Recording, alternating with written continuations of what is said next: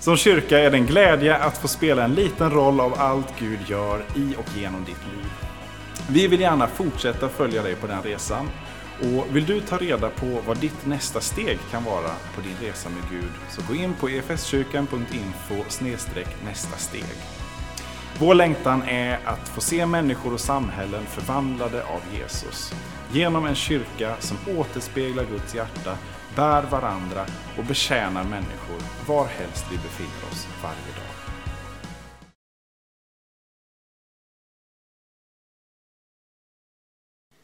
Ja, kära vänner. Det är ju så, precis som Åsa har sagt och som vi alla har märkt på ett eller annat sätt, att vi har eh, fått fira julen. Vi har fått stanna upp inför det som jag skulle vilja kalla en av världshistoriens och hela skapelsens stora ögonblick. Eh, och det är ju den där natten som vi har fått ha bakom oss nu, julnatten, eh, som vi kanske ofta förknippar med den där stjärnan över Betlehem. En stjärna som helt uppenbarligen stack ut på himlavalvet vid den här tiden på ett speciellt sätt. Den fick vise män att bryta upp ifrån länder fjärran ifrån och ta sig till Israel, ta sig till Judaland, söka upp platsen där de har fått en visshet om att judarnas kung ska födas. De är där och kommer dit för att hylla och fira honom. Så helt klart måste det ha varit någonting nytt på himlavalvet som pekar på honom som har skapat varje stjärna. Härom natten så gick jag ut i vår trädgård och tittade upp mot den där stjärnklara himlen. Och det är säkert många med mig som har gjort det mer än en gång. Och så kan man stå där och fascineras över himlavalvet. Över de där gnistrande stjärnorna och, och månen som kanske lyser klarare än, än man kan liksom minnas tillbaka att man har sett tidigare. Och så står man och tittar ut i något alldeles oerhört stort. Och samtidigt som man kan fascineras över storheten i skapelsen så kan man också samtidigt nästan känna att allting krymper ihop kring sig själv och man upplever sin egen litenhet i förhållande till Guds storhet. En som har gjort detta tidigare är kung David och han har ju säkert gjort det mer än en gång men det fick i alla fall konsekvens i hans liv så det föddes på något sätt en bön i hans inre och ord som han har formulerat och som vi kan läsa i Psaltaren 8. Där han liksom uttrycker så här, Herre, vår Herre, hur härligt är det inte ditt namn över hela jorden? Du som har satt ditt majestät på himlen. När jag ser din himmel och dina fingrars verk, månen och stjärnorna som du har berett, vad är då en människa att du tänker på henne, att du låter dig vårda om honom? Så är det som att mitt lilla jag får möta ett oändligt stort universum. Och det kan nästan få mig själv att framstå som ett litet, litet kryp. Och det kanske är så att den lilla, lilla myran är större i förhållande till jorden än vad jag är i förhållande till hela skapelsen. Så kan vi stå på jordklotet och blicka upp mot himlavalvet och, och liksom ha det perspektivet. Men man kan också vända på perspektivet. För en tid sedan så såg jag en dokumentär och en, en film om den första månlandningen. Och eh, där minns jag en, en eh, vy från den här dokumentären när astronauterna har precis rundat månen första gången och de får blicka ner på jordklotet. Och de får liksom ett helt annat perspektiv uppifrån från himlen. Och det perspektivet kanske man hade förr i gamla tider. I gamla tider så tänkte man att jorden var på något sätt allt, allt centrum. Planeter och stjärnor och, och månar och solar och allting kretsade kring jorden och jorden var ett centrum. Men man hade ju en skev och faktiskt felaktig bild i det.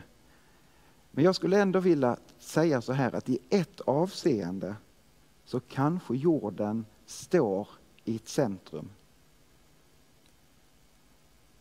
Vad vi kan förstå utifrån Guds ord så har vi i den här liksom tillvaron på den här planeten fått unika för, förutsättningar för att kunna leva de liv som vi lever. Och det verkar också som att den här planeten är på ett speciellt sätt utsatt för Guds kärlek. Den är ett centrum för hans omsorg. Han som naturligtvis omsorg om hela sin skapelse, men där är en riktning ner mot jorden. Gud låter hälsa genom profeten Jeremia följande ord. När den tiden och när den dagen kommer så ska jag låta ett rättfärdigt skott växa ur Davids stam. Han ska skapa rätt och rättfärdighet i landet. När den tiden och den dagen kommer.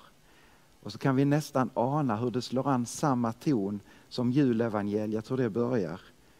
Vid den tiden och här, när den tiden och den dagen kommer, då ska ett skott växa ur Davids stam och han ska skapa rätt och rättfärdighet.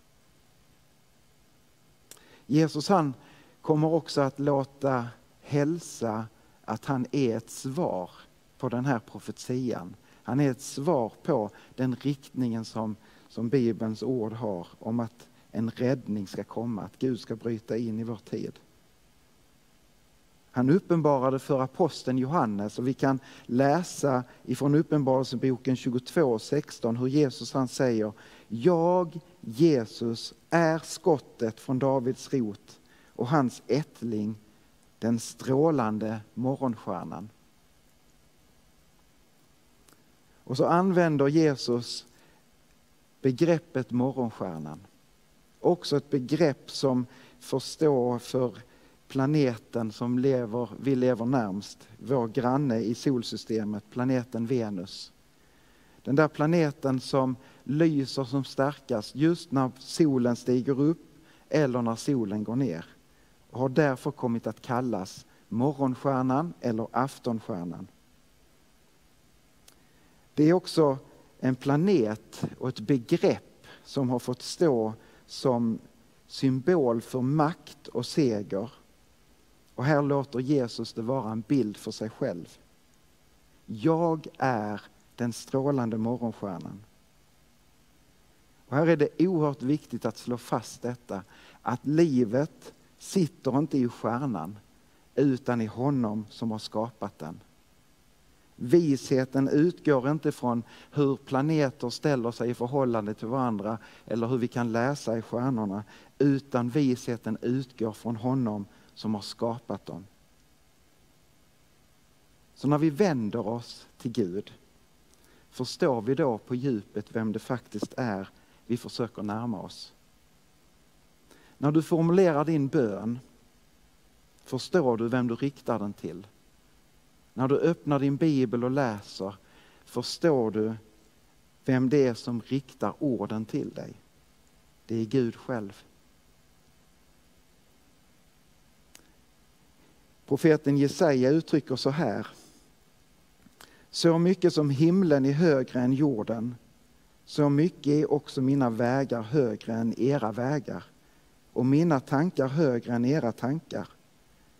Ty liksom regnet och snön faller från himlen och inte vänder tillbaka dit igen förrän det har vattnat jorden och gjort den fruktsam och bärande, så att den ger säd till att så och bröd till att äta, så ska det vara med ordet som utgår från min mun.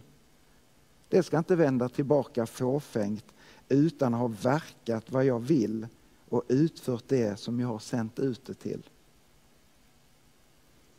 Gud som har skapat himmel och jord genom sitt ord, genom att tala, den evige, den enda sanne guden. Han som avstod från allt och antog en tjänares gestalt och blev faktiskt som en av oss. Och ordet blev människa. Gud lät sig födas in i skapelsen och bli ett barn med våra förutsättningar. Jesaja han omtalar detta barnet som Immanuel med betydelsen Gud med oss. Och detta barn fick bära namnet Jesus som med betydelsen Gud räddar eller Gud frälser. Och så blir detta barnet inte bara ett barn som bär namnen utan som är namnen. Gud med oss. Gud som räddar och som frälser. Den natten då han föddes, den natt vi har fått påminna oss om och fira på olika sätt, skulle jag vilja klassa som ett av världshistoriens fyra största ögonblick.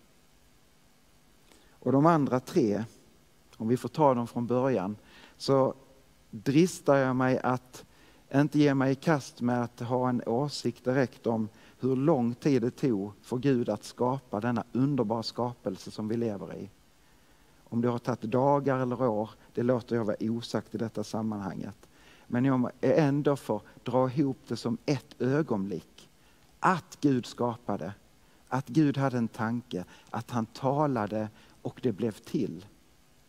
Skapelsens morgon som ett ögonblick är ju en förutsättning för att vi finns. Så det måste klassa in som nummer ett, som viktig händelse. Sen skulle jag vilja säga att julnatten är den andra stora, stora händelsen. Att Gud låter sig födas in i sin skapelse. Och den tredje största och avgörande händelsen i världshistorien är ju när han dör och uppstår. En situation och ett ögonblick som blir livsförvandlande och ger helt nya möjligheter. Och den fjärde händelsen ser vi fortfarande fram emot.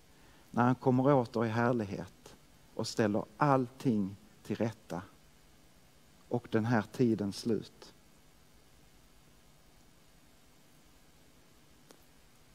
Kan vi ärligt och genuint tänka oss och slås av den oerhörda storheten i Gud.